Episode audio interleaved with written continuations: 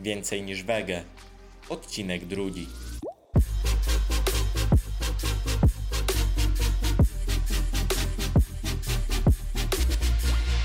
Witajcie, z tej strony Marcin Mosiejko i zapraszam Was na rozmowę z nikim innym jak właśnie z Adamem Sułowskim, znanym w mediach społecznościowych jako Strongman.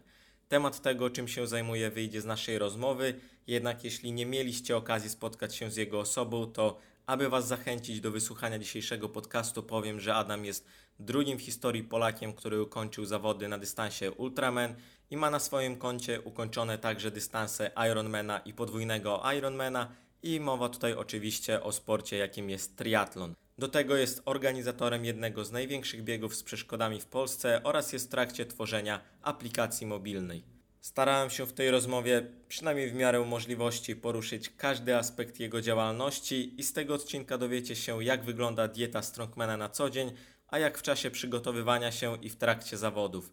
Rozmawiamy także o jego nastawieniu psychicznym i pokonywaniu przeciwności, o jego zaproszeniu na Mistrzostwa Świata w Ultramenie na Hawajach i o kosztach startu w tego typu imprezach, o wychodzeniu z kontuzji i przekuwaniu negatywów w pozytywy, o posiadanym przez niego sprzęcie i o tym, jak bardzo jest istotny w startach w triatlonie, o tym, jak znajduje czas na realizację wszystkich tych działań, a także o jego inspiracjach, motywacjach itd. Generalnie jest tego całkiem sporo, ale nie ma co się dziwić. W końcu odcinek trwa ponad półtorej godziny, także nie będę już tutaj przedłużał i cóż, zapraszam Was do jego wysłuchania.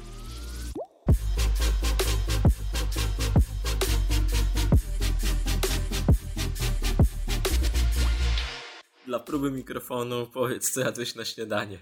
Dzisiaj jaglankę z, z bananami i białkiem jakimś tam roślinnym i z mlekiem roślinnym.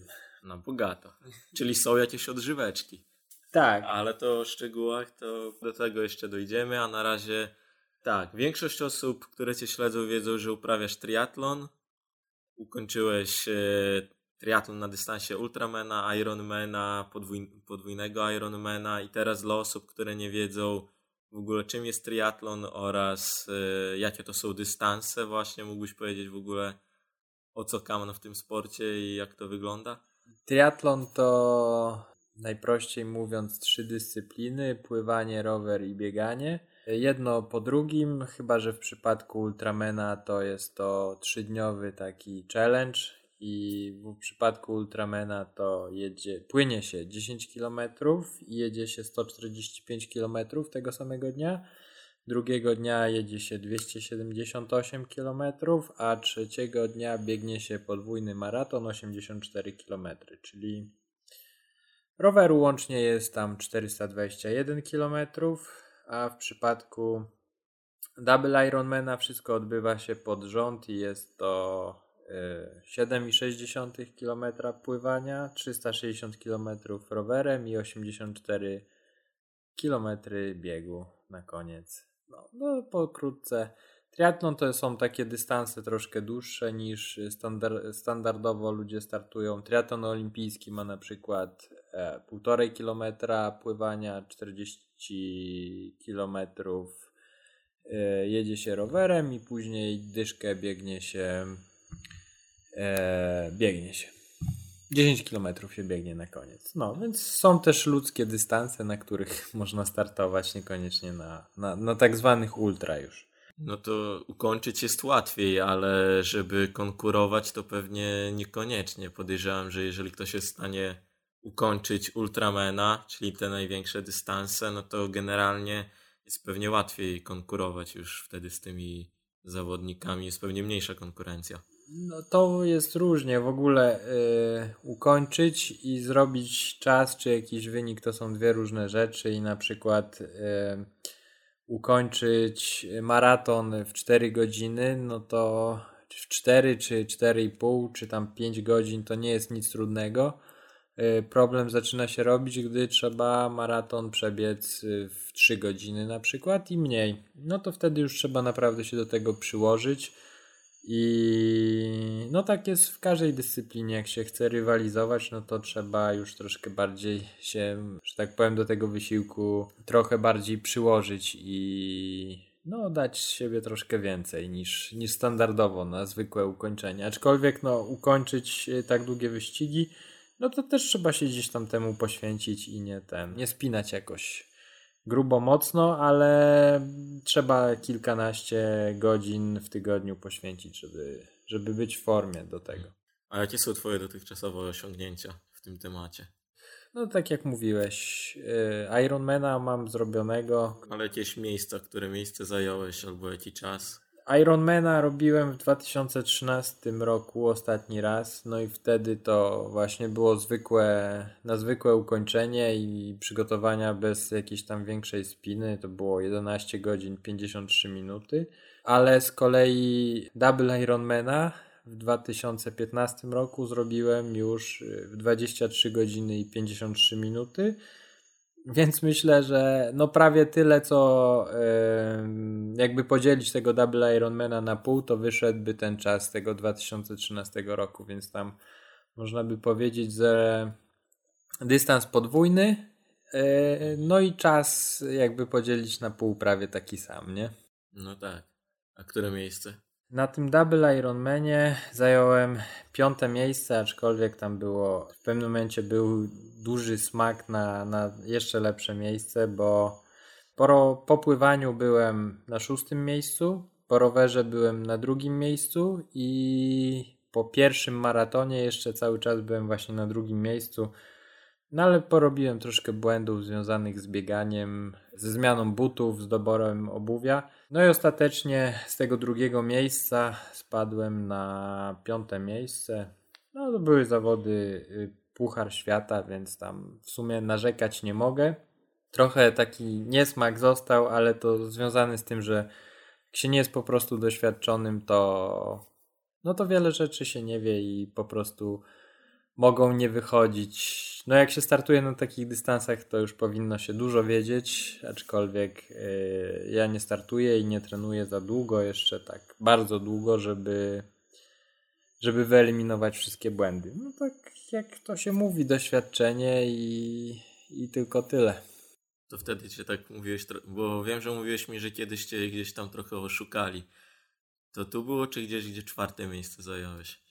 E, tutaj, tutaj na tym Pucharze Świata, no to faktycznie zrobiłem jedno kółko za dużo i to wyszło, wyszłoby na rowerze i to wyszłoby między 10 a 12 minut, a te 12 minut yy, to była już taka różnica, że to już byłaby szansa na te no na trzecie miejsce, ale to różnie można to rozpatrywać. Tak, no to, Było, no to... minęło. Ja też nie jestem, nie należę do osób, które gdzieś tam chodzą i krzyczą, że, że ktoś mnie oszukał albo że tam będą walczyć o swoje, tylko po prostu nie jestem taki natrętliwy jak wielu takich jest zawodników, że będą latać, szukać dziury w całym, tylko po prostu to przyjąłem i startuję przede wszystkim dla siebie i nie jest to dla mnie, nie wiem, jakieś straszne, jeśli stanie się coś takiego, że Zrobię jedno kółko za dużo i później będę latał, robił wielki rumor wśród całych zawodników i wśród całych zawodów, że ktoś mnie oszukał. Nie na tym polegają moje starty, żeby, żeby właśnie startować dla miejsc, czy, czy nie wiem. No, startuję dla własnej satysfakcji. Nie stanowiło to wtedy dla mnie takiego problemu. No i byłeś też w gruncie rzeczy drugim Polakiem w historii, który wystartował i ukończył Ultramana. Tak, to było w 2014 roku. Start w Anglii. E, no i takie pierwsze moje starcie właśnie i porządne przygotowanie. No tam też całe mnóstwo błędów, bo za duża pianka, hipotermia w wodzie, później ta jazda tym rowerem to straszna katorga, bo cały czas mnie nerki bolały. Jeść mi się nie chciało, pić mi się nie chciało i dopiero odżyłem trzeciego dnia na tym podwójnym maratonie i tam, no powiedzmy w miarę dobrze pobiegłem, bo już tam bieg ukończyłem na siódmej pozycji. No a ostatecznie wtedy te zawody na dwunastym miejscu. No i w zeszłym roku zrobiłem dwa eventy też y, w jednym sezonie, czyli Ultramena i później double, najpierw Double Ironmana, a później Ultramena w Hiszpanii, no i tam w Hiszpanii już zająłem czwarte miejsce, no ale tam też oczywiście dużo błędów, bo tam były góry, a ja pojechałem z rowerem czasowym, y, z, z blatami z tyłu za małymi. Jak trzeba było wjeżdżać pod góry z dużym nachyleniem, tam było 6000 metrów przewyższenia, powiedzmy drugiego dnia na 300 kilometrach. A moja największa zębatka z tyłu to było 24, no to na tych 6000 się naprawdę ujechałem. Aż normalnie śmiać mi się chce, bo jak jeździmy gdzieś tam w Tajlandii, czy ogólnie jak jeżdżą gdzieś tam ludzie pod górki, no to minimum takie to jest gdzieś pewnie 28, 30, 32 kaseta i no i to jest duża różnica, jak ktoś e, po prostu nie ma styczności, nie miał okazji wjeżdżać pod górki, no to może to się wydawać jakieś nieistotne, ale chodzi o to, że e, jest taki ilość obrotów na minutę korbą, która jest mniej więcej taka idealna i nie powoduje nadmiernego męczenia się i to jest ustalone między 70 a 100 i teraz jeżeli nie jest się w stanie, nie ma się takich przełożeń w rowerze, żeby móc tak szybko pedałować, no to później się człowiek musi urobić jak wół, albo i gorzej. Dokładnie, to jak się jedzie, to się nabijają mocno nogi cały czas, no tak jakby się robiło trening siłowy, a odpowiednia kadencja, szybkie kręcenie, no to, to powoduje, że generuje się odpowiednią moc, szybciej się kręci i są takie przełożenia, że to naprawdę idzie dużo lżej i fajniej, a inaczej jak się kręci powoli, to to się dostaje dwa razy w dupę, że tak powiem i co tu więcej mówić, no. No nie ma co wywijać tego w bawełnę. No.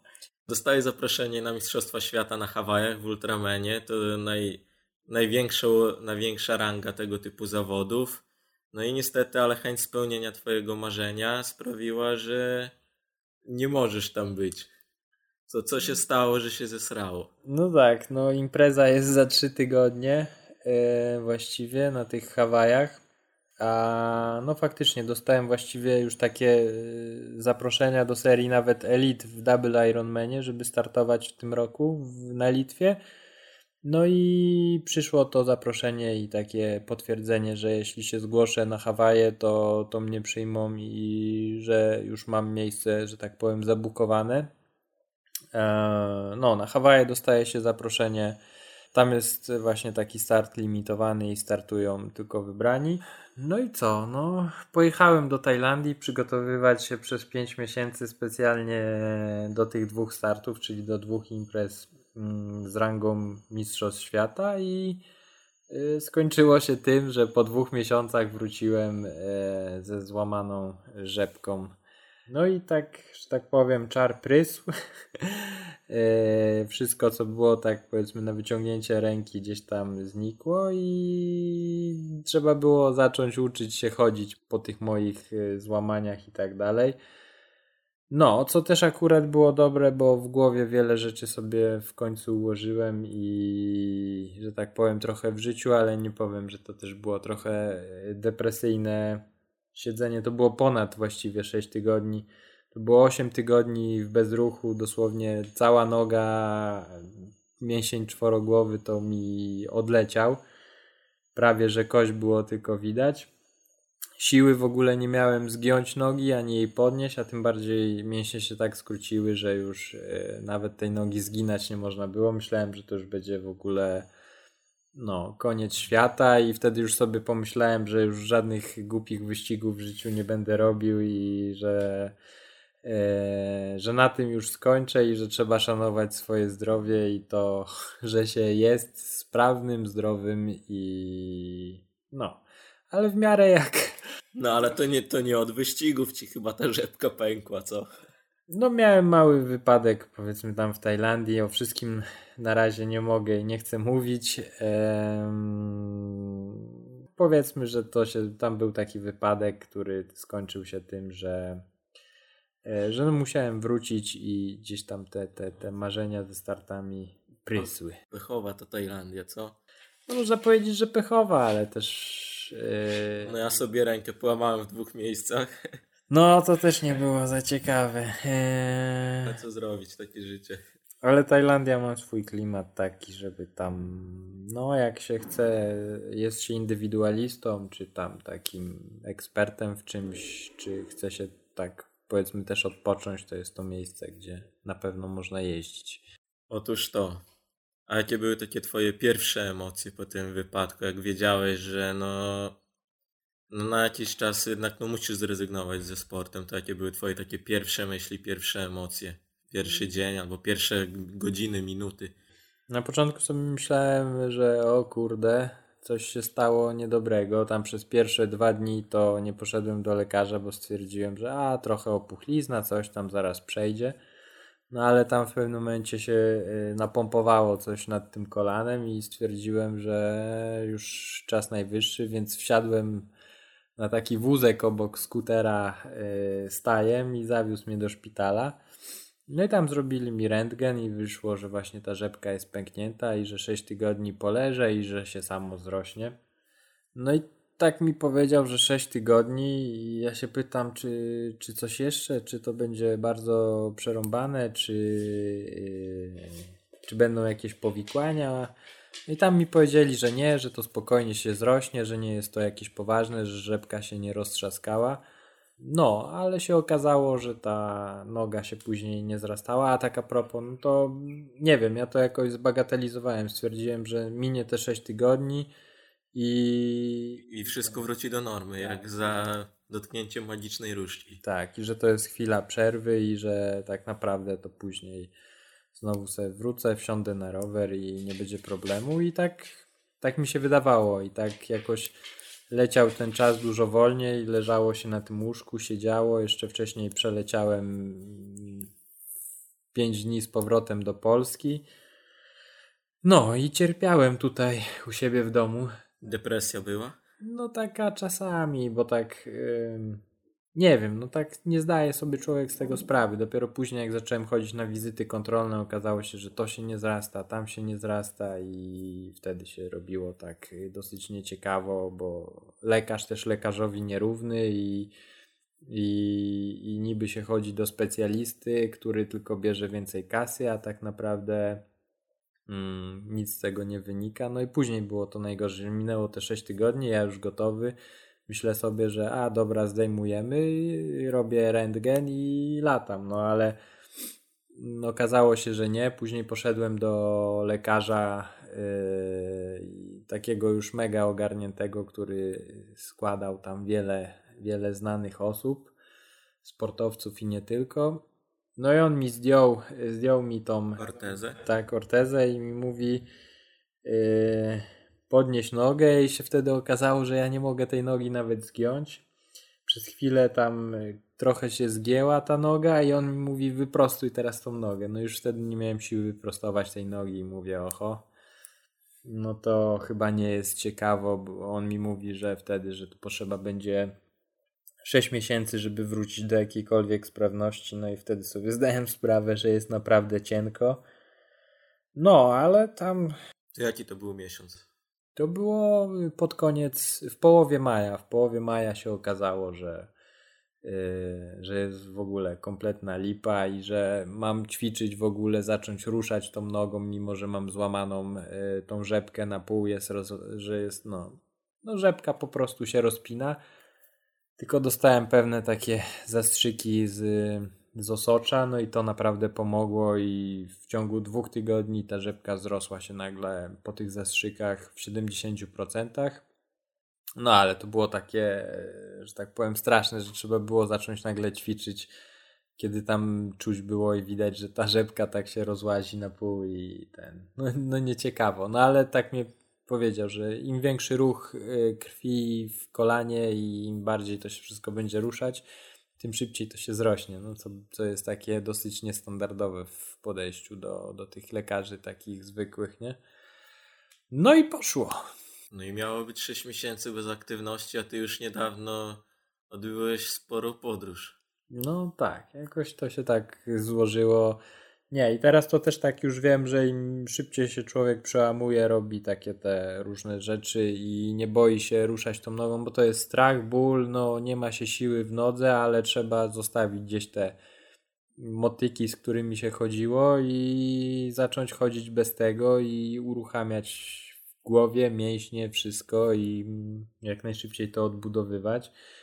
I to też, no zacząłem później chodzić na rehabilitację i tam też dostałem jakieś ćwiczenia Ostatnio się właśnie śmiałem, bo tam też byłem na tej rehabilitacji. Był człowiek, który też miał właśnie problem z kolanem i się pyta tam e, rehabilitanta, ile razy on ma to ćwiczenie powtarzać e, w domu. No to tam mu mówi, że ile wejdzie.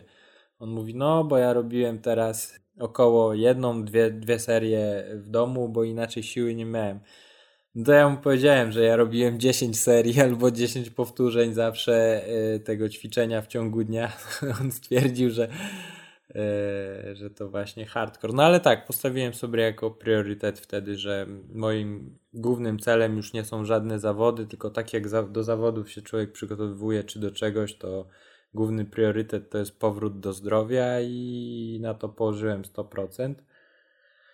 No i to tak jakoś zaczęło wracać naprawdę szybko, ale yy, no, nie bałem się i koncentrowałem się na celu i na każdym kroku tam kolejnego dnia, a nie tam, że za miesiąc czy za ileś się wyzdrowieje, tylko że trzeba już teraz działać i robić, nie?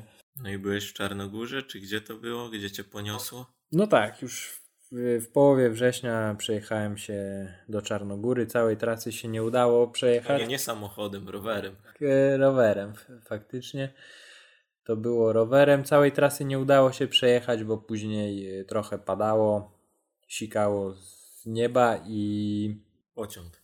Tak, i trochę pociągami, ale sporo się przejechałem. No już tam pod rząd. No z tysiąc kilometrów chyba wyszło. No.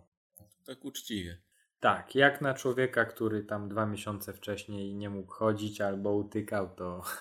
A co śmieszniejsze, właśnie podczas tej podróży to już czułem się taki zmobilizowany, twardy, mocny, że jakiś taki już silniejszy niż y, przed tą, tą właśnie przed tą kontuzją.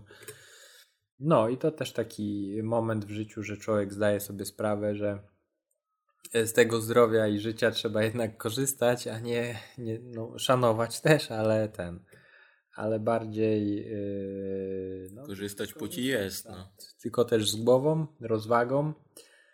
Yy, no tu różnie można podchodzić do jeżdżenia tam tak właśnie po 150 km. No właśnie. Gdzie postawić tą linię, no bo wiesz, dla jednej osoby to uczciwie z rozwagą tego to, to jest raz w tygodniu się przebiec 5 km, się przejechać na rowerze z 20, pójść popływać na basen a dla ciebie to to jest dzienna dawka taka minimum pewnie, jak przygotowujesz się do zawodów chociażby.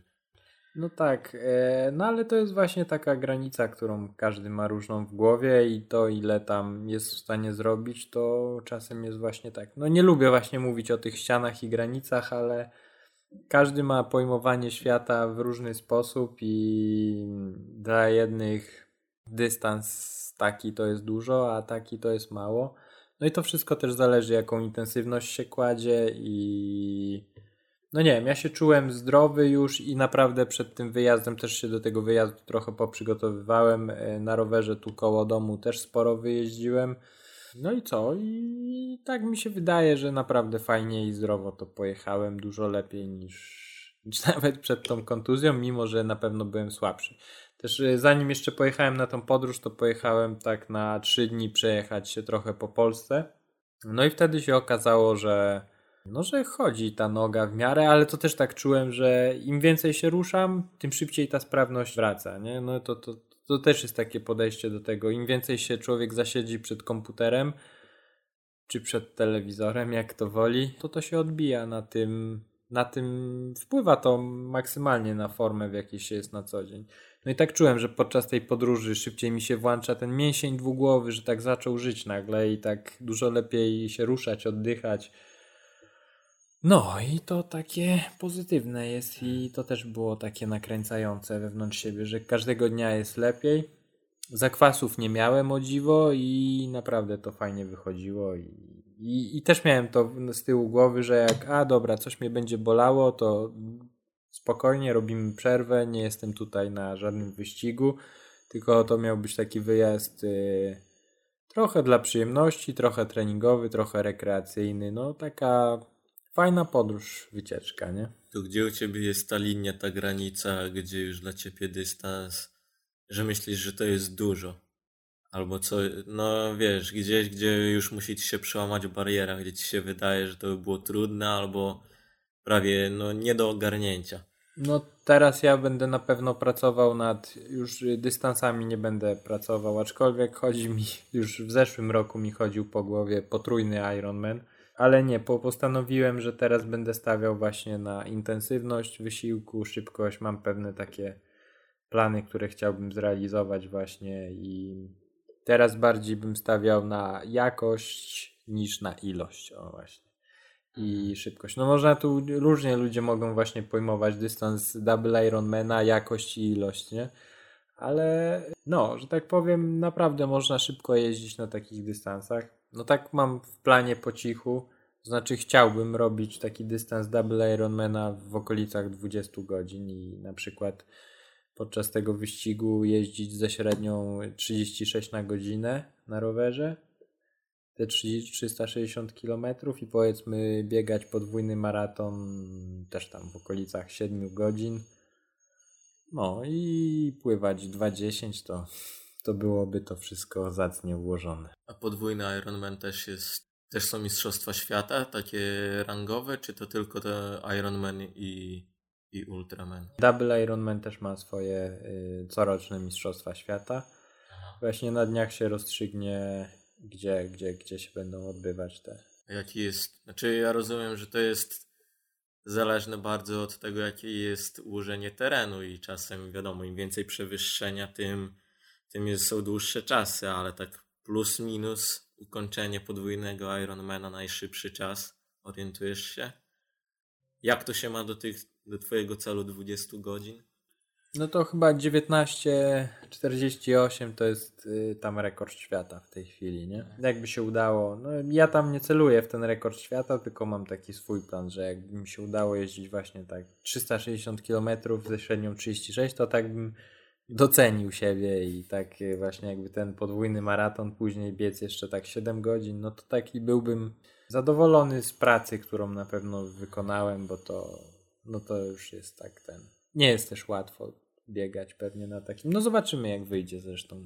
Oprócz triatlonu zajmujesz się także jakimiś innymi projektami i jak w takim razie odpowiadasz e, na pytanie, jak jesteś na jakimś przyjęciu czy imprezie i ktoś ciebie pyta, czym się zajmujesz? To jaka jest twoja odpowiedź zazwyczaj? Najczęściej mówię, że jestem... Strongman. Nie, kim ja jestem. No cóż tam. Książkę już napisałem, bloga prowadzę, organizuję też event, którym w tym roku właśnie wystartowało też 1600 osób. To dawaj nazwę eventu, zareklamuj. Huntran Polowanie na biegaczy. Zapraszam wszystkich bardzo serdecznie. I o co tam chodzi? To jest y, ekstremalny bieg z przeszkodami. Z błotkiem? Tak, z błotkiem, ze wszystkim. Yy, bardzo fajny klimat i dużo osób co roku wraca i przyjeżdża coraz więcej i tak się spodziewamy, że w przyszłym roku to może nawet i ze 2,5 tysiąca osób przyjedzie. Gruba impreza. Tak, tak, z której tam nawet jestem bardzo dumny i zadowolony. Czy jest jakiś inny tego typu bieg w Polsce? No są różne inne właśnie też, które powstały y, po nas. Oni zaczynają organizować kilka eventów ja się wolę skupiać na jednym i fajnym i to na razie póki co to jest fajna strategia i ja nie potrzebuję robić więcej eventów, tylko robić jeden fajny, porządny, a nie mhm. kilka różnych. No a oprócz tego teraz na dniach, na dniach, czy na, no, w ciągu tam jeszcze paru miesięcy, ale zajmujemy się już mocno z dużym zespołem robieniem aplikacji mobilnej. No już to robię od bardzo dawna, tylko że no teraz w końcu udało się to wszystko doprowadzić do takiego stanu, że to będzie miało szansę wyjść i to nawet z dobrym skutkiem. Miejmy nadzieję, że tak będzie. No tak, tak, ale nauczyłem się już podczas tych wszystkich wyścigów i tak dalej dążyć do celu i tam nie ma co myśleć, że, że miejmy nadzieję, że tak będzie, tylko albo się coś robi 100% i to później wychodzi. I jak nawet nie wychodzi, to później się to poprawia i robi się dotąd, aż będzie dobrze. I, i, i tego się tak staram trzymać, bo ten. No, tak mi to. Tak mi się wydaje, że nie ma złych pomysłów, tylko jak się ma zapał do pracy, chce się coś zrobić, to po prostu trzeba to robić i się nie dygać, nie?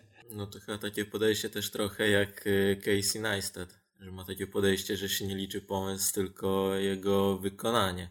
No tak, bo na przykład y, jest wiele na przykład firm jakichś tam powiedzmy, które konkurują między sobą, ale trafia się powiedzmy gdzieś tam jakiś parę osób zapalonych, dobry zespół i robią dobrą robotę i ludzie wolą powiedzmy kupować podobny produkt, ale dużo lepszy, fajniejszy i wiadomo, że od ludzi, którzy zrobili go z zapałem i dużą chęcią, a niż, niż od jakiejś tam korporacji, w której pracuje miliard ludzi.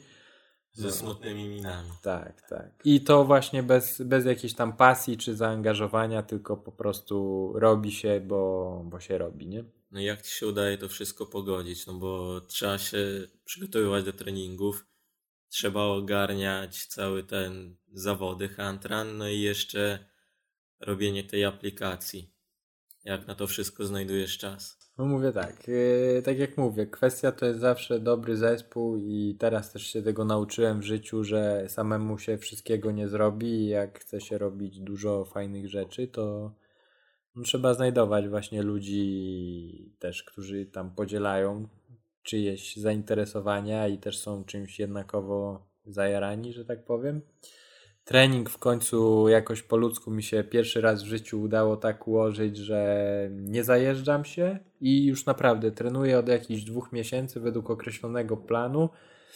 Jestem mega zadowolony swojego progresu, bo, bo naprawdę, no pierwszy raz to wygląda tak, że, że jest to naprawdę fajnie, solidnie poukładane i dodatkowo jeszcze wykonuję pracę z fizjoterapeutą i to też jest, końcu też jest zespół do sportu, zespół do eventu, zespół do aplikacji i no w końcu ma to wszystko ręce i nogi i po to mi była właśnie chyba ta kontuzja i... No to właśnie chciałem czas. powiedzieć, że to może takie wyszło z pożytkiem, że miało to jakieś swoje plusy. Tak to bym zajeżdżał siebie cały czas robił jak dureń wszystko naraz i jeździł gdzieś tam wieczorami, robił treningi po 22 czy po 24 do późna rana.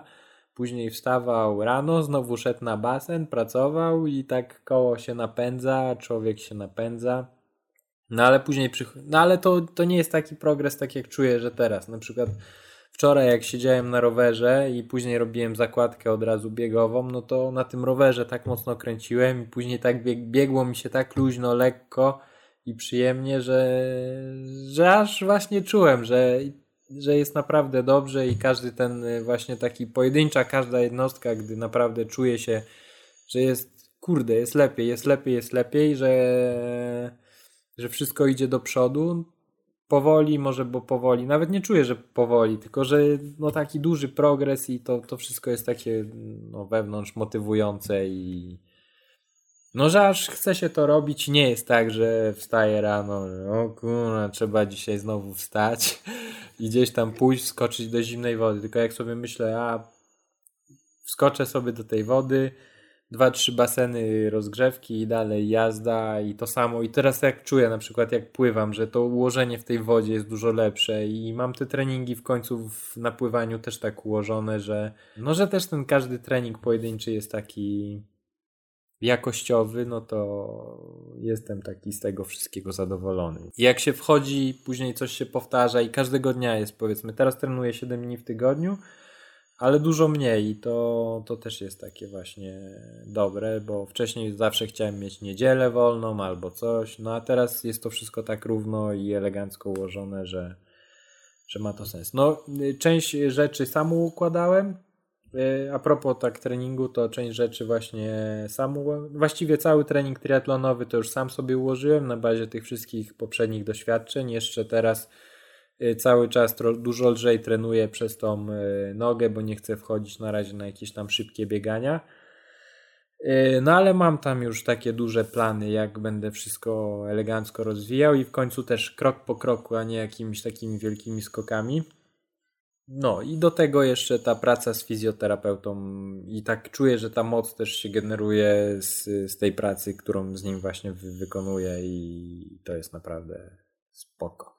Czy masz jakiś autorytet, inspirację, wzór, mentora? Wiesz co, ja to lubię sobie poczytać czasem różne książki, bardziej z tych y, wszystkich książek y, biorę trochę tam inspiracji i z różnych, bardziej korzystam z takich źródeł, ale tak, żeby ktoś był moim idolem na zabój czy coś, to to raczej nie. Tylko tak gdzieś, na przykład teraz mamy te wszystkie social media i tak dalej. Można śledzić różnych ludzi, podglądać wiele fajnych rzeczy, patrzeć jak niektórzy robią, ale nie ma co się wzorować 100% na każdym, tylko gdzieś tam mieć y, swój jakiś własny e, plan i no i tak się tym bawić, trochę cieszyć, a tak jak mówię, bardziej y, ja bardzo lubię na przykład czytać y, biografię. To ja mam tak samo. Jaką książką ostatnio się inspirowałaś, albo jaką biografią, albo jaką osobą? To zwłaszcza myślę dla początkujących albo dla ludzi, którzy biegają. To teraz czytam tego Haruki Murakami, o czym mówię, kiedy mówię o bieganiu chyba. Dobra, to będzie wszystko w notatkach do podcastu podlinkowane, także bez problemu. To, to, to jest naprawdę spoko, bo tak tam wiele jest takich y, życiowych, fajnych tekstów, z którymi każdy biegacz na przykład może się utożsamić, albo no takie początki, czy tam może na pewno służyć temu, bo jest fajna opowieść biegacza o tym, jak zaczynał biegać, nie? I później jakie robił y, kolejne wyścigi, czy, czy inne takie. A gdzieś w kwestiach biznesowych, rozwoju, coś w tym rodzaju? To czasem lubię na przykład y, pooglądać YouTube'a. No ja nie oglądam na przykład tych wszystkich długich, takich mega kozaków, y, ale w ostatnio fajny kanał trafiłem młodego chłopaka. Na początku myślałem, że to będzie jakaś beka, ale jest na przykład Michał Sikorski się nazywa, też takiego kanał się nazywa. No i gość tam ma 24 lata, ale naprawdę mówi fajne, fajne rzeczy, których tam się przyjemnie słucha. Ale tych y, coachingów to takich typowych to mm, za bardzo to nie przepadam za tym, bo... Bardziej typowe, jakieś biznesowe pewnie. No, te coachingi to strasznie ryją banie i nie zawsze wydaje mi się, że to jest dobre, że idź, idź do przodu, idź na zabój, rób, rób, do it, do it albo screw it i ten. To myślę, że to nie do końca też na tym polega i jest rynek, wydaje mi się, zepsuty, bo nie, ludzie, którzy tam mają powiedzmy dużo różnej wiedzy, takiej tej jakościowej, to niekoniecznie o nich słychać a jest dużo takiego motłochu i szumu wokół jakiś tam, nie wiem, każdy teraz chce być w ogóle tym coachem i to, to też nie jest zbyt dobre, nie? No tak, takie bicie piany trochę wokół no. tego tematu i tak ładnie, ładnie to wygląda jako ładna taka otoczka, taka wydmuszka, w środku może być pusto. No, dokładnie. Kto pierwszy przychodzi ci na myśl, kiedy słyszysz osoba sukcesu? Ciężko, ciężko mi powiedzieć, bo mm, nie wiem, no sukces można mierzyć różną miarą, bo no tak, to można... wiadomo, czy jest jakaś osoba. Ale, ale nie jest tak, że rozważam sukces pod względem jakiś tam finansowym, czy, czy jakimś takim właśnie innym, tylko bardziej myślę o tym, yy, czy ktoś jest tam szczęśliwy robiąc coś, w czym, w czym jest dobry i czy na przykład... Yy, E, czy robi to, co lubi i może na przykład żyć jakoś tam e, minimalistycznie, a niekoniecznie chcąc też docierać do, do jakiejś tam nie wiadomo jakiej liczby osób, czy na pewno sukcesem nie jest dla mnie jakiś tam sukces finansowy, tylko bardziej jakieś tam realizowanie swoich celów i zamierzeń. No a wydaje mi się, że gdzieś to tam zawsze idzie jakoś równo. No ale tak jak miałbym podać jakiegoś idola czy kogoś, no to nie wiem, trudno by mi było podać taką osobę. Bo to jest też zawsze kwestia tego, jak to tam promuje te swoje różne sukcesy, czy no tak jak się patrzy na tych polityków, no to każdy chce być tu, tam i tam, mieć zdjęcie z tym i tamtym, z Obamą czy, czy z kimś, to, to jak zna się z Obamą, to jest ten uścisnął mu dłoń, no to, że się zna i tam, że to jest na duży plus, nie? No, a tak to nie wiem. No, tak jak ludzie żyją ze swoją pasją, są zadowoleni, to to są tacy ludzie szczęśliwi sukcesu, moim zdaniem. Dobra, wróćmy do tematu triatlonu i powiedz mi, kiedy w ogóle zacząłeś? Jak dawno to było? W 2012 roku zrobiłem pierwszy triatlon, pół Ironmana, czyli tam 1,9 pływania, 90 rower i maraton, półmaraton na koniec 21. No i to tam wyszło spoko, 5 godzin, 17 minut. W tym samym roku miałem zrobić Ironmana, ale y, akurat się nałożył właśnie termin z Huntranem i Huntrana też robiliśmy na wariata. Właśnie wcześniej miałem takie życie, że wszystko się robiło na wariata, a teraz mam na wszystko już powoli czas, bo lepiej to organizuję. No i nie zrobiłem tego Ironmana, bo mi się nałożył z Huntranem. No ale zrobiłem w kolejnym roku i później zrobiłem tego pierwszego po Ironmanie w 2000, no wróćmy. 2012 pół Ironman, 2013 Ironman, 2014 Ultraman, 2015 Double Ironman i Ultraman, 2016 nic, leżenie na łóżku bardziej. Dobra, a czy kiedy zacząłeś swoją przygodę z triatlonem, to czy byłeś już wtedy na diecie roślinnej, czy to było gdzieś później? No, tam jakoś w połowie sezonu mi się zmieniło. Pierwszy, pierwszy sezon, tak, to 2012 i, i w połowie sezonu stwierdziłem, że, że zobaczymy jak to wyjdzie, więc w sumie... A to skąd w ogóle było to zainteresowanie dietą roślinną i skąd ta...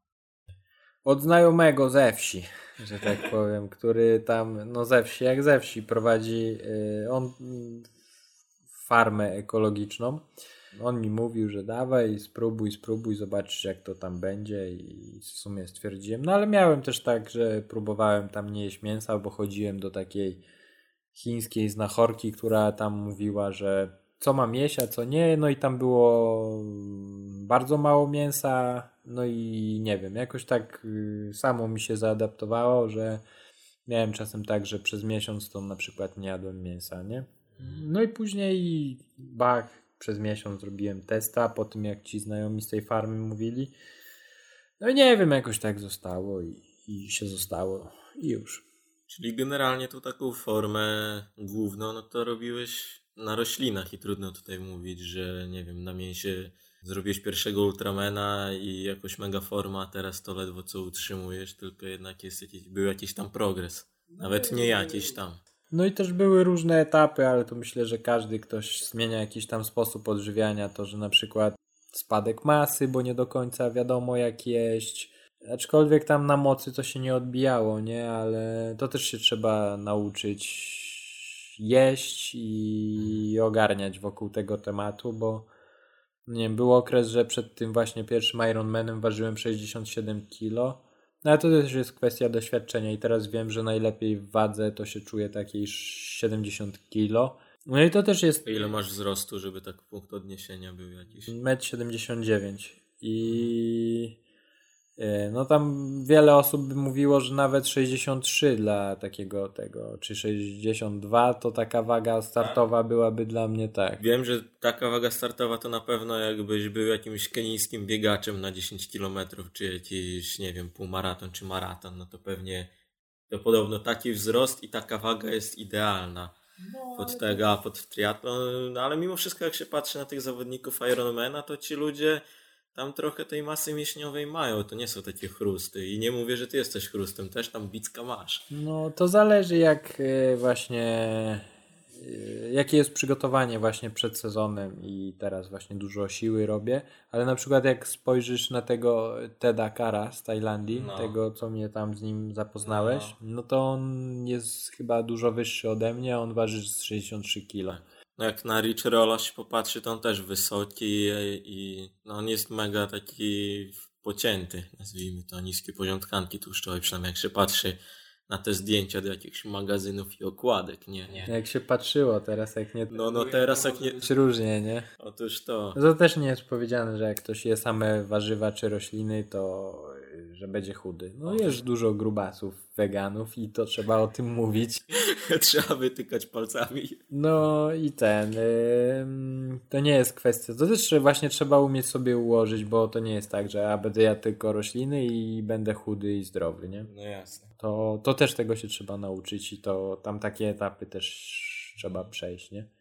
No i to tam dobre, bo też na plus, bo wiadomo co, co szkodzi, a co nie szkodzi twojemu ciału, organizmowi i tak dalej. Mm, a dlaczego zdecydowałaś się na długich dystansach rywalizować? Dlaczego nie sprinty, tylko właśnie raz, dwa od połówki Ironmana i za, zaraz Ultraman? Co cię tak ciągnie do tych długich dystansów? No te, te dystanse to były dla mnie takie inspirujące bardziej. Mm, na co tu więcej mówić? Jak się chciało zajmować jakieś trochę lepsze miejsca, to e, lepiej, łatwiej wystartować w dłuższym i wykonać więcej pracy, bo szybkości już się nie zrobi. Szybkość to można robić, jak się jest młodym.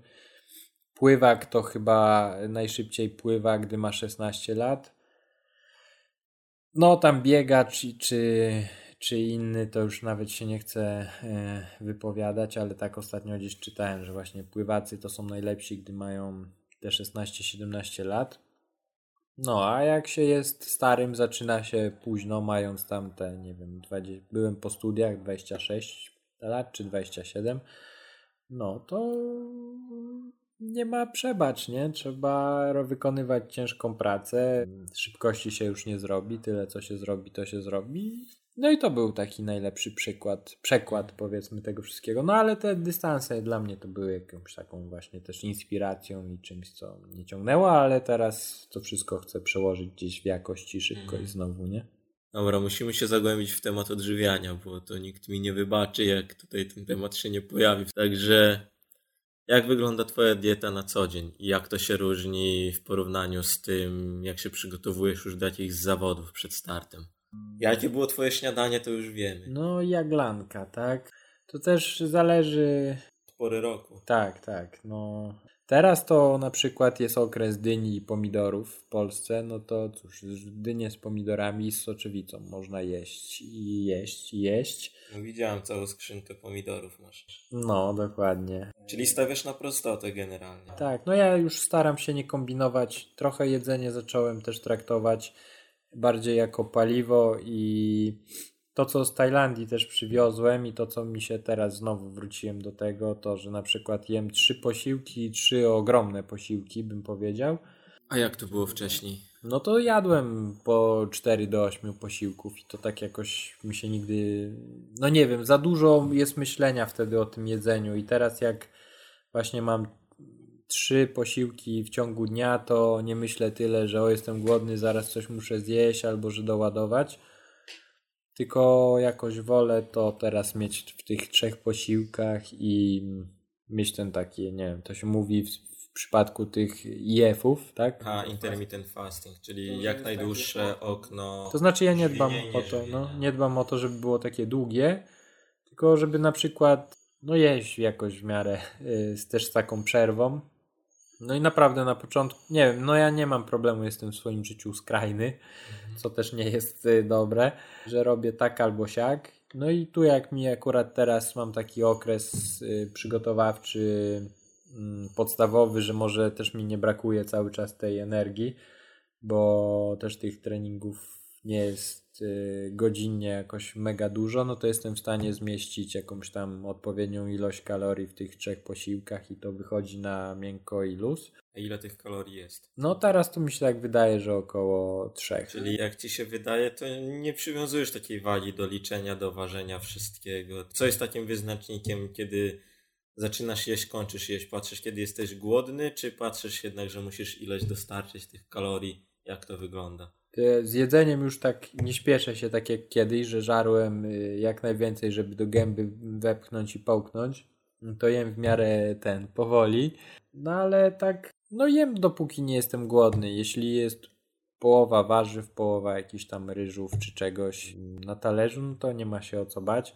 No i to też się czuje, na przykład jak już ten y, zjem dwa duże posiłki z rana, to czasem ten trzeci jest nawet, y, no niekoniecznie też jest taki duży, ogromny, tylko tak sobie chapnę tylko coś, nie? Czyli nic nie wyliczesz z góry, nie masz założeń, że musisz tyle i tyle zjeść. No i też y, wczoraj na przykład zjadłem tylko dwa posiłki i to było ok. No ktoś może pomyśleć, że to trochę dziwne, no ale nie no, spoko się to całkiem składa. I... Dla, dla mnie to akurat normalne. Też wczoraj dwa jadłem. Dzisiaj jestem na litrze soku marchwiowego i chyba pięciu gruszkach, które przed chwilą zjadłem, więc No ale człowiek, Może. któremu tam powiedzieć, który je jakoś tam powiedzmy roz, rozlaźle w ciągu dnia, który jest przyzwyczajony do jedzenia pizzy nawet o 21 czy 2, no to jak mu się powie, że ty stary skończę o 18, a zjedz później coś koło 10, no u mnie to wychodzi gdzieś tak naturalnie, bo z rana chwilę coś siądę przy kąpie, albo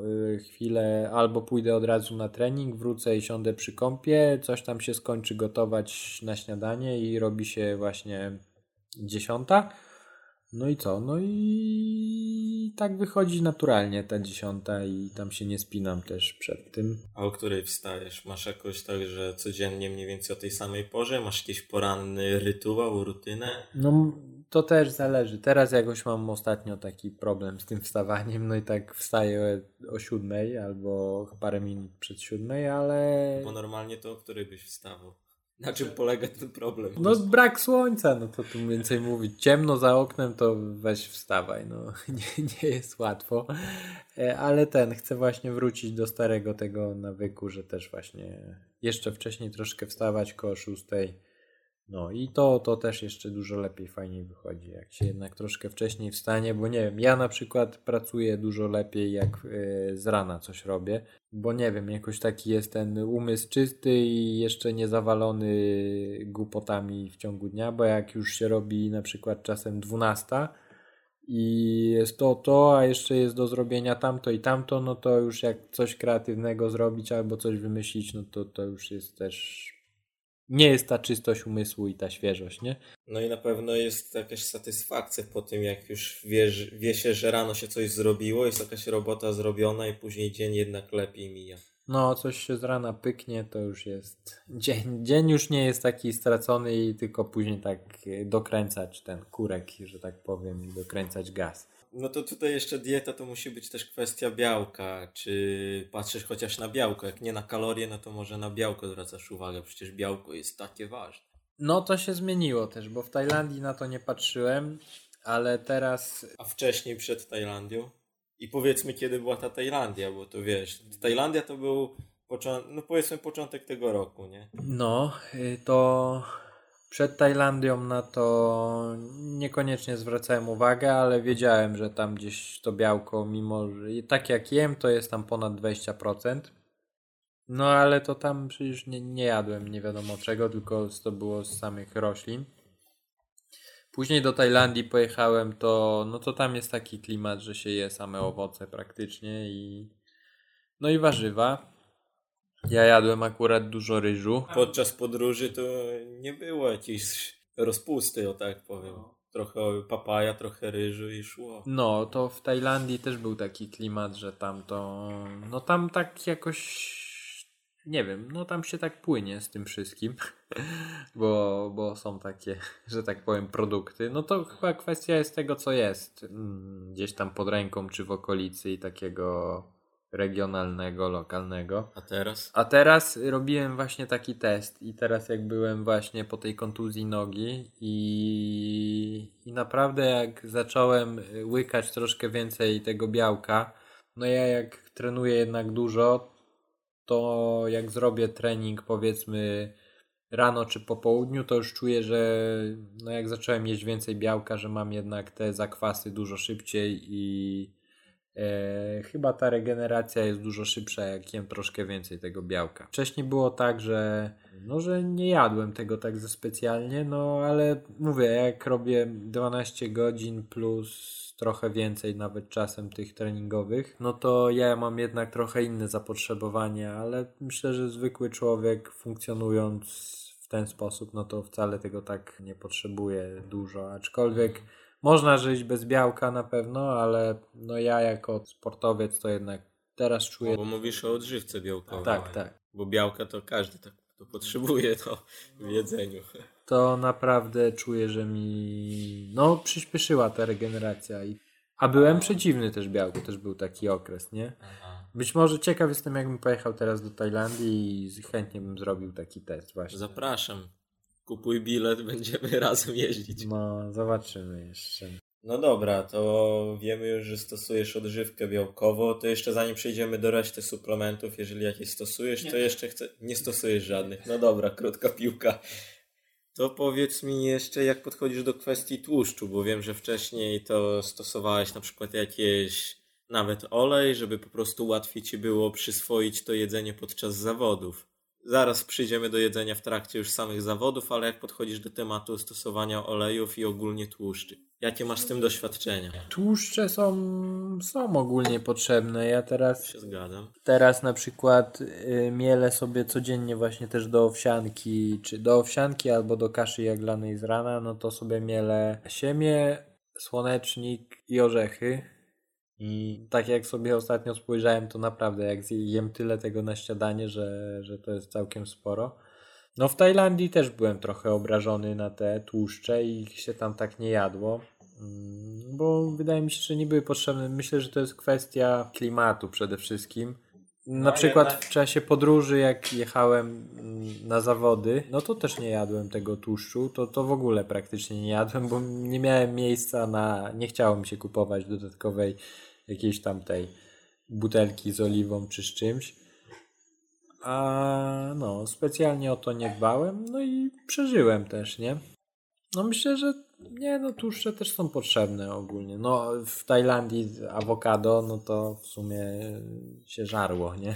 No to, to jednak, znaczy wiesz, tłuszcze są jak najbardziej potrzebne, tylko właśnie mi chodzi o to, na ile duży udział ich jest, yy, w sensie jaka ilość tych tłuszczy u ciebie, jak to wygląda, czy jest ich dosyć dużo, czy, czy minimalizujesz, czy jakoś śledzisz tą ilość tłuszczy, czy tak Wydaje po mi się, że teraz jest tak, że mam 65 to węglowodany, nawet czasem trochę więcej. 65%. Tak, tak. Teraz ze 25 to białko, a reszta są tłuszcze, nie? No to, to tam też ja tego nie mierzę jakoś specjalnie, bo to naprawdę nie ma sensu, tylko no też jak się je te, wybiera zdrowe jedzenie Mhm. i tak dalej, no to te, no we wszystkim się znajdzie te wszystkie e, makroskładniki, nie? No, aby pełnowartościowe jeść. No dobra, a jak w trakcie zawodów? No to w trakcie zawodów na Double Ironmanie na przykład dobrze mi wchodziły y, makaron z tłuszczem. Y, Suchy makaron z tłuszczem, y, z oliwką. No ale to też, nie wiem, kwestia tego, żeby przepływał przez gardło i y, Bo to się wydaje na niektórych ludzi, że to takie może niedorzeczne, ale to jednak podczas zawodów jest duży problem, żeby to jedzenie już po iluś tam godzinach w siebie włożyć, a jak nie włożysz jedzenia, no to później się to odbija mocno negatywnie. To ja bez przerwy słyszę, jak ci właśnie biegacze 24-godzinni czy, czy inni, no to oni na przykład tam, no mówiąc bez ogródek, żygają i haftują co trochę, a później wyżera im jeszcze żołądek przez dwa dni i nie są w stanie nic jeść, bo tak jest, jak się pije te różne odżywki i tak dalej. Przecież to się ładuje taką chemię, a trochę lepiej mieć przetestowane jedzenie, które, którym się żywi na co dzień i małymi porcjami, cyk, cyk, ale jednak organizm lepiej na nie orga- e, Reaguje. reaguje niż powiedzmy hektolitry jakiejś tam chemii i to wcale się nie dziwię, że to później się źle funkcjonuje. Ja to w ogóle nie chcę ten mówić, że nie miałem, no nie miałem nigdy takich problemów, tylko nie chciałbym, żeby nagle mi się coś stało w przyszłym roku podczas takich zawodów, że tu dzisiaj cwaniacze, a A później zjesz owsiankę i sraczkę będziesz. no dokładnie. No właśnie, to już skoro jesteśmy przy tych tematach wydalniczych, to jak to jest podczas takich zawodów? Bo na przykład jak czytałem e, biografię, czekaj, która to jest triatlonistka e, w Ironmanie trzy razy wygrywała, Chrissy Wellington, to ona pisała na przykład, że nawodnienie podczas tych zawodów to jest podstawa i to jest tym ważniejsze, że po prostu jak się jedzie, to się nie zsiada z, siodeł- z roweru, żeby się wysikać, tylko się sika no, na siodełko, no w spodnie i po prostu dodatkowy bonus jest taki, że na przykład w triatlonie w zawodach nie można jechać na kole, no bo to wtedy jest mniejsze opory powietrza i się oszczędza siły, a to jest jazda indywidualna, nie to co zawody. No i ona stosuje po prostu to, że jeżeli ktoś jej siądzie na kole nieprzepisowo, to ona po prostu puszcza strugę moczu i w ten sposób odstrasza rywalki od tego, żeby jechały no, wyko wykorzystywały ją. No i teraz jak u ciebie to wygląda? Czy też jakieś bomby zostawiasz za sobą? Nie, ja właśnie, no tu jakoś nie miałem z tym problemu na szczęście i podczas tego Double Ironmana też mnie nic nie złapało, więc tam no jest kwestia właśnie tego przetestowania i jedzenia, no. No ale musisz się, musisz się wysikać, jak 20 parę godzin jedziesz, no to musisz siłą rzeczy, to, to się zatrzymujesz? To tak, no to stajesz i szczysz, no tym na Double Ironmanie to na przykład nie chciałem się obsikać yy, i tam yy, ze dwa razy się zatrzymałem na rowerze, na szczanie, że tak powiem. A tak to tych problemów z cięższymi rzeczami to nie miałem na szczęście i udało się przelecieć całe zawody bez problemu. No co, był, była taka nawrotka i ja za, zamiast, y, żeby nie stawać gdzieś na środku trasy i hamować tam z tych 30 paru kilometrów na godzinę i później znowu się rozpędzać, to na nawrotce zawsze stawałem taki ham i szczałem. A tam widziałem, że inni stawali przy drodze, no ale ja to, ja jak ten, no jechałem na czas i się ścigałem, to nie chciałem marnować czasu i nie miałem z tym problemu, żeby być takim hamem, no i co, co tu więcej mówić. Albo czas i, zawody, i zawody, albo ten, y, albo zabawa, nie? To powiedz mi jeszcze, co, czy masz jakiś ustalony czas, co ile jesz, albo ile mniej więcej węglowodanów musisz na godzinę zjeść, ile wody wypić, jakieś takie faktyczne, obiektywne jakieś miary masz? Tu bardziej na odczuciach y, bazowałem do tej pory, ale właśnie nie wiem, czy w tym roku nie wprowadzę tego, że, że będę wszystko teraz mierzył, że mm, ileś tam gram węglowodanów na kilogram podczas zawodów będę chciał właśnie przyjmować. Bo jest chyba jakieś takie ogólne założenie, że jeden gram węglowodanów na kilogram masy ciała na godzinę się powinno spożyć, to to będzie pewnie 200, e, w Twoim przypadku 280 kalorii z węglowodanów, 70 gram węglowodanów. No są takie, niektórzy 2-3, zależy, zależy jak intensywne są zawody i ile trzeba tego, bo na przykład jak się wrzuci przez 20 minut y, jechać na tętnie 170, no to glikogen, wszystko przecież to tak cię mm, wyciąga z organizmu, że ten, że mm, trzeba ładować w siebie takie te mm, odżywki, nie? No a tutaj jak mam na przykład serwis, jeżdżę kółka, czy gdzieś tam jadą za mną samochodem, no to tylko krzyczę, że dawaj to, to, tamto. To też nie jest no, nie jest też tak czasem wygodnie jeść powiedzmy gdzieś tam w drodze na rowerze czy w biegu, ale ten, no, do przyzwyczajenia, nie? No, ale już lepiej na rowerze, no bo podczas pływania to w ogóle nie ma opcji. No, podczas pływania to co, ja zawsze chapnę banana, wodę z imbirem wypiję i... Na rozgrzanie. No, i... A podczas takich długich zawodów to też ważny jest support, czyli takie osoby, które zajmują się właśnie ogarnianiem jedzenia i tak dalej, to chodzi przede wszystkim o te już dystanse ultramena. Jak ważne jest takie właśnie posiadanie takiego zorganizowanego tego supportu i co należy do obowiązków takich osób? No powiem tak, jak się jedzie, to ta trasa też nie jest wyznaczona, wyznacza ją organizator i nie jest y, ruch zamknięty czy pozamykany na ultramenie i jak pomyli ktoś z samochodu trasę, no to trzeba jeździć, nadganiać i to w zeszłym roku trochę w Hiszpanii nam nie wyszło. No, e, każdy, kto tam się ścigał i pomylił trasę i jak trzeba nadrabiać, wracać, gdzie kilometrów jest 300, a się pojechało 15 minut w jedną, trzeba wracać 15 w drugą, no to... Nie możesz w samochód wsiąść i wrócić z powrotem? Nie, nie, nie, nie można właśnie, no to yy, to trochę boli, albo jak gdzieś zginie team, a jest się gdzieś w górach i czeka się 15 minut gdzieś na nich, no to to w zeszłym roku nam niezbyt wyszło. No ale tam też nie można żądać nie wiadomo czego od ludzi. No, tu akurat w Hiszpanii trochę była pomylona trasa i nie wszystko było mhm. dopięte przez organizatora na 100%. W Anglii było w miarę ok, jak się ścigałem. No, ale tak to. Czy wiesz, mi chodzi, żebyś tam nie narzekał na swoją ekipę, tylko powiedział, jak to jest y, ogólnie, jak to jest istotne, nie? Z perspektywy zawodnika i na co taka, no co należy do obowiązków ich, no to trasa to jest jedno, ale jedzenie muszą też w jakimś stopniu jedzenie, przygotować, picie, wcześniej wstać. Jedzenie, picie, robić fotki, tam wiadomo, im jedzenie, jak jedzenie jest na świeżo, no to jest y, mega fajnie, ale y, no ktoś musi tam jechać i wstać, jak ja śniadanie muszę zjeść, powiedzmy jem o czwartej rano, start jest y, o szóstej albo o siódmej, no to ktoś musi wstać jeszcze wcześniej ziemniaki pogotować i, i makarony. No tak, z tobą to nie ma, że parę żeli ci się poda, tylko ty chcesz prawdziwe jedzenie. Co się chwali, bo tak jak mówisz, to żołądka nie rozwala, ale ktoś to musi zrobić. No ale też z kolei jak się, jak byliśmy na tym Pucharze Świata w Słowenii, no to tam team austriacki, 15 osób, yy, kampery 3 i tam fizjolodzy, fizjoterapeuci. Różni ludzie właśnie też do liczenia okrążeń, także tam się no nie mam, nie mam miejsca na błąd. A ja jeżdżę z, z rodziną i znajomymi, że tak powiem. Mm.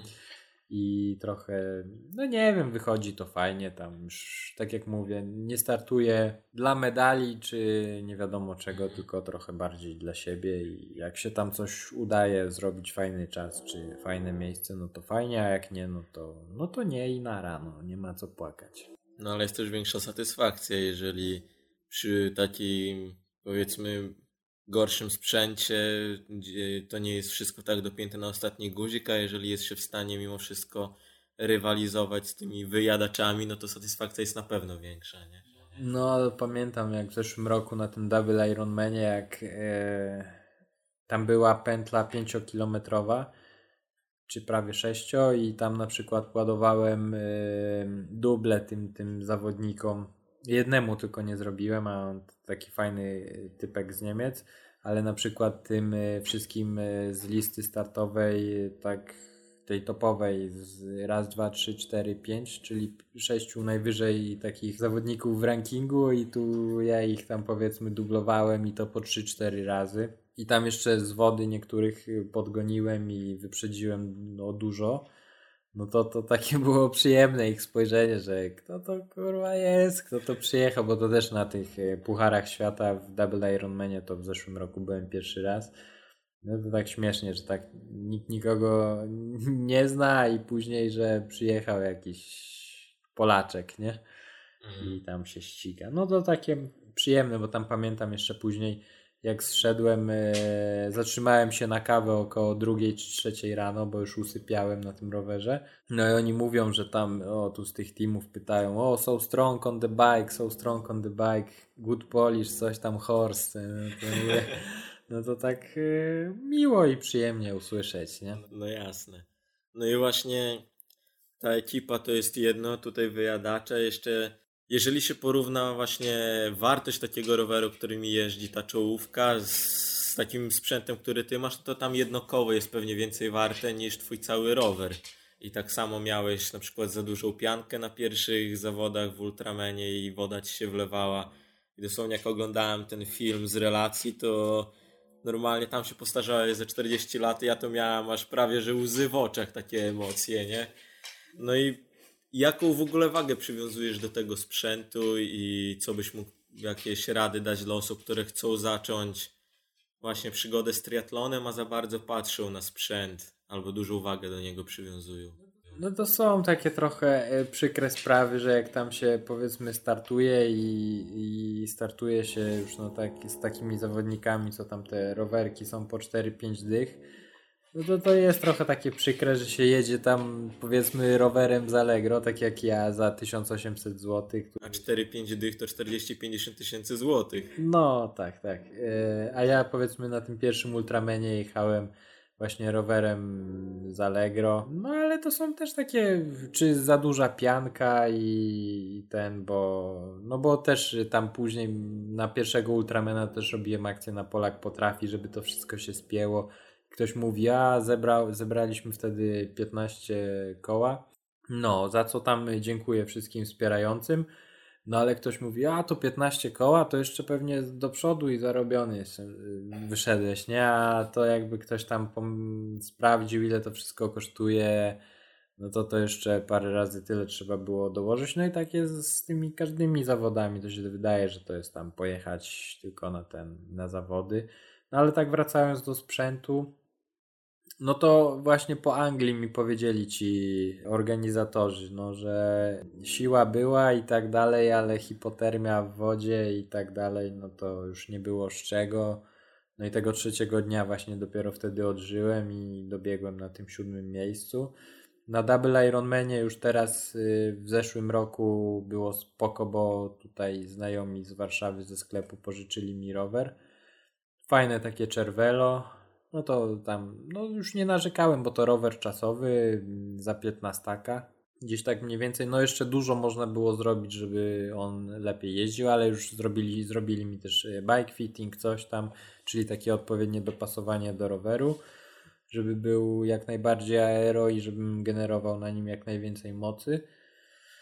No ale minus był taki, że na nim w ogóle nie, nie trenowałem, tylko przyszły zawody. Ja wsiadłem trzy dni przed y, zawodami, przejechałem się nim mm, parę razy i to było tyle i tak nie byłem też, wiadomo, różne mięśnie mogły jeszcze inaczej na nim dojść i wszystko można było jeszcze tam lepiej ułożyć. No cały czas tak naprawdę to mam, jeżdżę tym rowerem za 1800 zł z Allegro i w sumie teraz to tak go bardzo mocno doceniam i to jest taki ten, nie powiem, że oczko w głowie, ale ten, yy, no ale taki rower już z sentymentem i fajny i z którego bardzo się tam gdzieś yy, cieszę cały czas. Pewnie go nie sprzedasz, będzie na pamiątkę.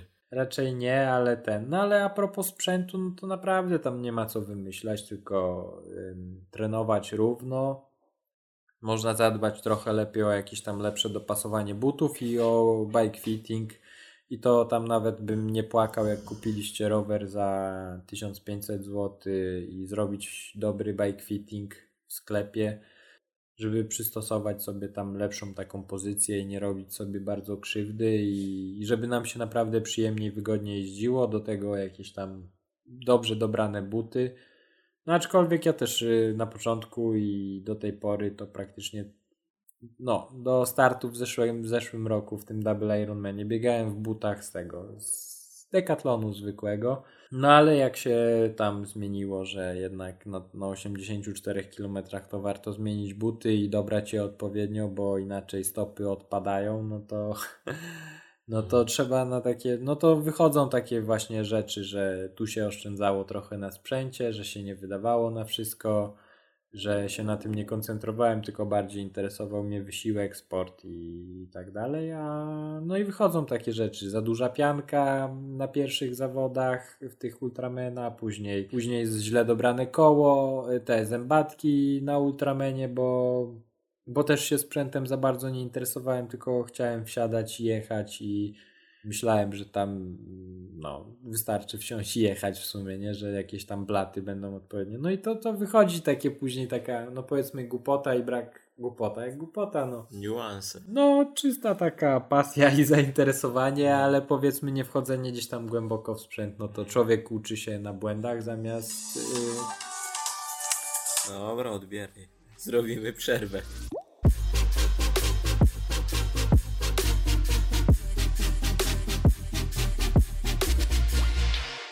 Teraz, jak ci się udaje w ogóle przezwyciężyć takie momenty właśnie, jak tam woda ci się wlewała bardzo lodowata pod tą piankę, bo pianka to jest generalnie po to, żeby nie było tak zimno, jak się pływa w zimnej wodzie. No i Adam miał za, za dużą piankę, no i z tego względu wlewała mu się zimna woda. No i postarzałeś się wtedy niemiłosiernie i no co się działo w twojej głowie, jakie miałeś myśli, żeby przezwyciężyć i cisnąć to dalej, albo jak tam buty ci nie pasowały, czy właśnie te blaty w rowerze. Co zrobiłeś, żeby to nie, nie przeważyło jakieś to negatywne myślenie, tylko żeby jednak pocisnąć to do końca i, i dać z siebie, no, co jesteś w stanie, co najlepsze. Powiedzmy na tym Double Ironmanie to na przykład to, to miałem jakiś jakby program wgrany do tego, do, do głowy i że już powiedzmy na tym biegu to biegnij i tyle. Już powiedzmy nawet wejście pod krawężnik to już było ten y, problem bo trasa, no tak trasa biegowa prowadziła, czy już y, powiedzmy powierzchnia, gdzie nie ma, gdzie nie ma nawet tego wzniesienia, ale jest normalnie człowiek powie, że nie ma wzniesienia, ale jak się biegnie przez tyle godzin i wcześniej tyle wysiłku, no to to wszystko czuć w tych mięśniach. No i tym bardziej na przykład stopy, stopy powiedzmy na takim biegu mm, od słabych butów, no to mm, dostają, to muszą być miękkie, przyjemne buty. No nie ma przeproś, no albo się chce ukończyć, no to są takie te momenty w życiu, że ten, że warto tam coś doprowadzić do końca i nie ma co ten płakać, że coś, coś jest kiepsko albo że boli. No wiadomo, że boli, wielu osób, wiele osób boli, no ale teraz na przykład tak, tak, tak będę miał, że będę wiedział jak to jest na przykład leżeć na łóżku i być nieruchomym i z inną motywacją też teraz trenuję i na przykład jak będę startował, no to też z takim większym szacunkiem, ale też te treningi, to wszystko jest inaczej przyjemniej rozłożone. No ale to jest, nie wiem, no startujesz i musisz ukończyć. Nie ma tak, że powiedzmy na Ultramenie w Anglii, no to co ja bym później powiedział ludziom, że co, że, że się przeziębiłem od wody i, i przez to już stwierdziłem, że dalej nie będę jechał na rowerze.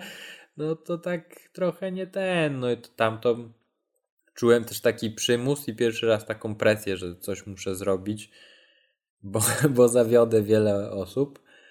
No a później to już nie wiem, no trzeba kończyć to, co się zaczęło, nie?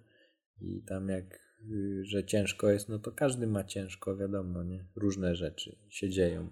I w życiu, i w wyścigu, nie? Mówiłeś już trochę o, kosztach właśnie tej zbiórce na Polak potrafi. Mógłbyś powiedzieć właśnie, jaki jest, powiedzmy, koszt tych zawodów, gdybyś chciał, gdybyś nie miał tej kontuzji i zdecydował się na start na Mistrzostwach Świata w Hawajach? Ile byś musiał minimum kasy przygotować, pomijając sprzęt? Powiedzmy, że lecisz na swoim boardmanie za 1600 zł z Allegro, w pia- 1800, przepraszam. No, lecisz w swojej też piance, którą masz, jaką masz i w butach z Decathlonu, czy jakich nie, teraz już masz pewnie trochę lepsze. No ale powiedzmy, nie inwestujesz nic w sprzęt, tylko się nastawiasz po prostu, żeby wystartować totalny minimum, ile pieniędzy byś musiał wygenerować. To zależy też, czy jechałbym z ekipą, czy bez, no ale wiadomo, jakbym jechał ze swoją ekipą, to by to wszystko było dużo łatwiej, bo co, że ja pojadę na Hawaje, dostanę jakiś tam team szczapy i co oni mi będą dawać do jedzenia to inna też sprawa, no ale no tak między 50 a no tak właściwie no ze stówę trzeba by było wydać. 100 tysięcy złotych. No bo to też trzeba przyjechać dwa czy trzy tygodnie przed imprezą, zaklimatyzować się, no bo to mm, też tak nie może być, że przyjeżdża się trzy dni przed imprezą, no bo zje człowieka i jetlag, i wilgotność, i ciepło, i ze startu będzie znowu. No tak, trzeba się zrobić rozeznanie trasy. No ta klimatyzacja to jednak na Hawajach to jest chyba mega kluczowa, bo tam warunki są chyba jedne z najtrudniejszych na świecie, przynajmniej jeżeli chodzi o pogodę, bo może o teren to tam można jeszcze pewnie dyskutować.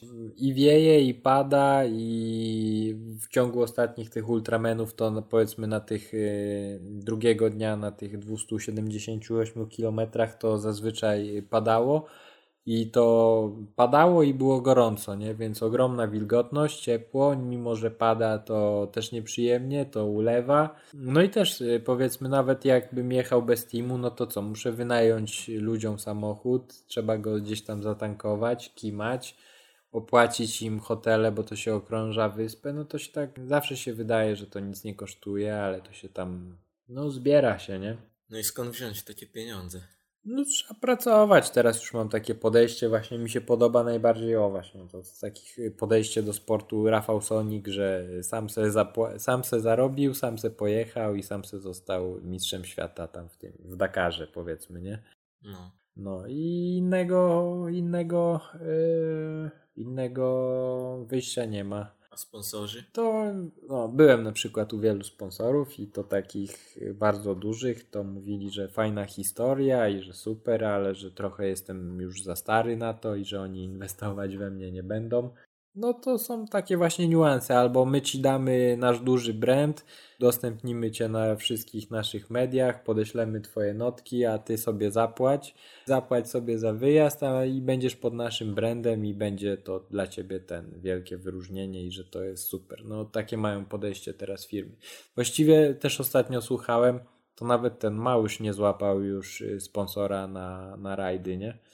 Czy tam mu właśnie chyba Orlen obciął, obciął trochę i no, no nie jest łatwo. Ja nie jestem też małyż czy ktoś i to nie ma co liczyć na innych, tylko no bardziej na siebie, bo inaczej to chyba nie da rady. Czyli przyszłe zawody z własnej kieszeni pewnie będą musiały być. No tak, dlatego nie wiem, czy to właśnie Ultramena sobie nie odłożę jednak na później, bo nie chcę już też tego robić yy, na zabój, nie? Mhm. Bardziej się skupię. Mam nadzieję, że w Europie będzie ten na przykład Mistrzostwa Świata w Double Ironmanie i będę się bardziej na tym koncentrował niż tam na tym wyjeździe na Hawaje, bo to, no wiadomo.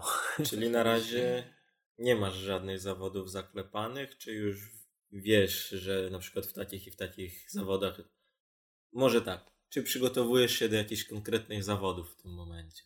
No, chciałbym w tym Double Ironmanie wystartować w przyszłym roku. Jak się trafi, że się trafią właśnie Mistrzostwa Świata gdzieś w Europie, no to Aha. na pewno gdzieś tutaj, jak nie, to zrobię jakiś zwykły puchar, puchar świata, nie? A które z dotychczasowych zawodów były dla Ciebie najtrudniejsze i czy masz jakąś historię z tym związaną? Tak właśnie ten y, najgorzej to wspominam tego Ultramena w Hiszpanii, a najbardziej i najlepiej to y, Double Ironmana właśnie w tym w Słowenii ten Puchar Świata, no bo naprawdę tam praktycznie wszystko mi wyszło. No i była szansa na to drugie miejsce, żeby dowieść je do mety. No ale tak y, z punktu takiego sentymentalnego, no to najmilej wspominam chyba jednak tego Ultramena w Anglii. No bo tam się to wszystko zaczęło i tam była y, super ludzie, niesamowici ci zawodnicy i to no, takie był początek taki otwierający. I... Dużo emocji, przeszkód i przeżyć. No i że się wszystko udało tam pospinać i zrobić to i to no takie początek, nie? Że wszystko się zaczyna, ale tak wynikowo i tak, że naprawdę dobrze przygotowany byłem, no to tego Double Ironmana najbardziej, najlepiej wspominam, nie? Będzie podium za rok? Nie wiem, no zobaczymy. Na razie to mam jeszcze problem z tym kolanem, że jak robię przysiad, czy jak schodzę na jednej tej nodze, no to cały czas mnie coś tam boli, no ale to jest kwestia, myślę, wytrenowania i cały czas yy, doćwiczenia tego i to tak jak ktoś mówi, że o, złamałem nogę i już nigdy, nie, i mi też mówi później, to już nigdy nie wrócisz do sprawności, to jest tak naprawdę kwestia tego, czy chce się do tej sprawności wrócić i wytrenować to i doprowadzić to do końca, nie? No i mhm. na tym, tak mi się wydaje, często to polega, że ludzie nie wracają do sprawności albo podupadają, bo po prostu myślą, że coś już nie jest dla nich, nie? No myślę, że to nastawienie te psychiczne jest mega ważne i dawać dla organizmu bodźce do tego, żeby że to wszystko musi jeszcze funkcjonować i że musi działać, a nie, że już kaplica i tylko nogi wyciągać i zasypywać. No, to tak jest na przykład jak ludzie ten y, idą na emeryturę i siadają na kanapie przed tym telewizorem i już czekają, czekają na śmierć, nic nowego, ciekawego nie robią. Zamiast zacząć właśnie coś tam się nowym interesować, czy czymś żyć i tak ten, y, już koniec pracy, już nikt nie będzie pracował do końca życia. Nie? Pamiętam, że jak byłem kiedyś yy, w Anglii, jako jeszcze tam byłem w gimnazjum i uczyć się angielskiego, to pamiętam, że jak mieszkałem u takich emerytów, to to było akurat u nich spoko, że oni na tej emeryturze jeszcze chętnie pracowali i coś robili, a u nas no nie wiem, czy u nas w Polsce, czy też na świecie jest takie nastawienie, że a już jak emerytura, to dziękuję, nara i nie wiem co robić i nic nie będę robił i że tam tylko chodzić do sklepu po bułki i oglądać telewizję. tak trochę chyba ludziom brakuje właśnie zainteresowań, nie? No też tak zauważyłem i to jest w ogóle dla mnie koncepcja emerytury, to jest jakaś taka dziwna, bo to jest na takiej zasadzie, że teraz będziesz się zachorowywał na śmierć, robił to, czego nie lubisz i czego może nie cierpisz, bo wiele osób tak robi. w zamian za to, że w przyszłości teraz to tak naprawdę te pieniądze, co może dostaniesz, może nie, prawdopodobnie nie, albo dostaniesz jakąś głodową ilość i że niby nic już nie będziesz robił. No to takie bez sensu, przecież jak nic nie robisz, to to zgnijesz z nudów i skiśniesz. No i dlatego tak mi się wydaje, że właśnie ci ludzie jak już kurde idą na emeryturę, to się robią tacy zamkną się w domu, nie kąpią się i później jak sąsiad wychodzi z domu, to otworzy drzwi, to smród na korytarzu jest, nie? Bo się nie rusza, zamknie okna, yy, tylko co z jakimś tam czasem niektórzy to z psem do sklepu albo coś i to takie, no straszne jest. No, no nie ma co generalizować, ale duży odsetek jest takich osób. Dobra, tutaj jakoś pesymistycznie się zrobiło, nie wiem. No ale mi się na przykład podoba też podejście, już co wspominaliśmy Casey'ego Neistata. On na przykład mówi o swojej babci, która miała, albo ciotce, która miała pasję i chyba jakiś taniec, nie wiem, czy jakieś stepowanie, czy coś w tym rodzaju, że jak się tym zajarała w wieku kilkunastu lat, tak to robiła do, do 84 roku życia i dwa dni przed swoją śmiercią jeszcze prowadziła zajęcia dla dzieci, bo to po prostu była miłość jej życia, pasja jej życia i mi się wydaje, że no, no do takiego życia się powinno dążyć i że, emery, że w żadnym wypadku się nie powinno liczyć na emeryturę, tylko właśnie powinno się, nie wiem, poniedziałek powinien być najlepszym dniem twojego życia i weekend to powinna być porażka, jeżeli nie możesz być w pracy, albo przynajmniej robić tego, co lubisz, się zajmować czym, to, co lubisz. No nie wiem. Takie jest no. moje podejście, że warto do tego dążyć, żeby nie było piąte, piątek, piąteczek, piątunio, tylko poniedziałek, poniedziałeczek. Nie wiem, jak jeszcze to zdrobnić. No ale dokładnie tak ludzie mają. A ja właśnie nie lubię weekendów czy dni niepracujących, bo, bo mnie to zawsze wkurza, bo ja wiele rzeczy sobie nie mogę posunąć naprzód, bo inni nie pracują, nie?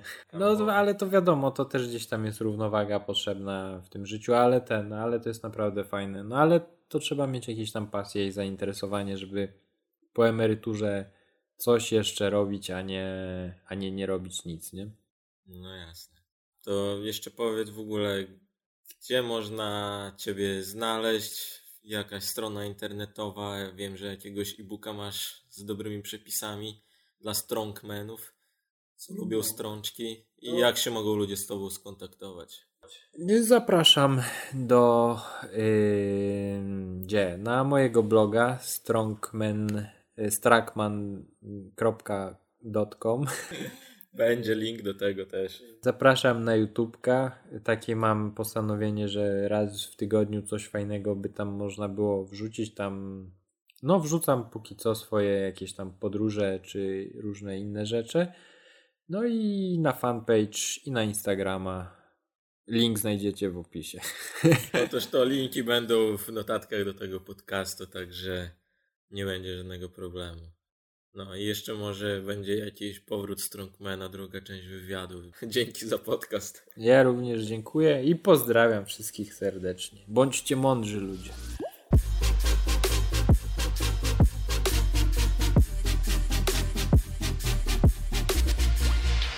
Mam nadzieję, że miło Wam się słuchało naszej pogadanki.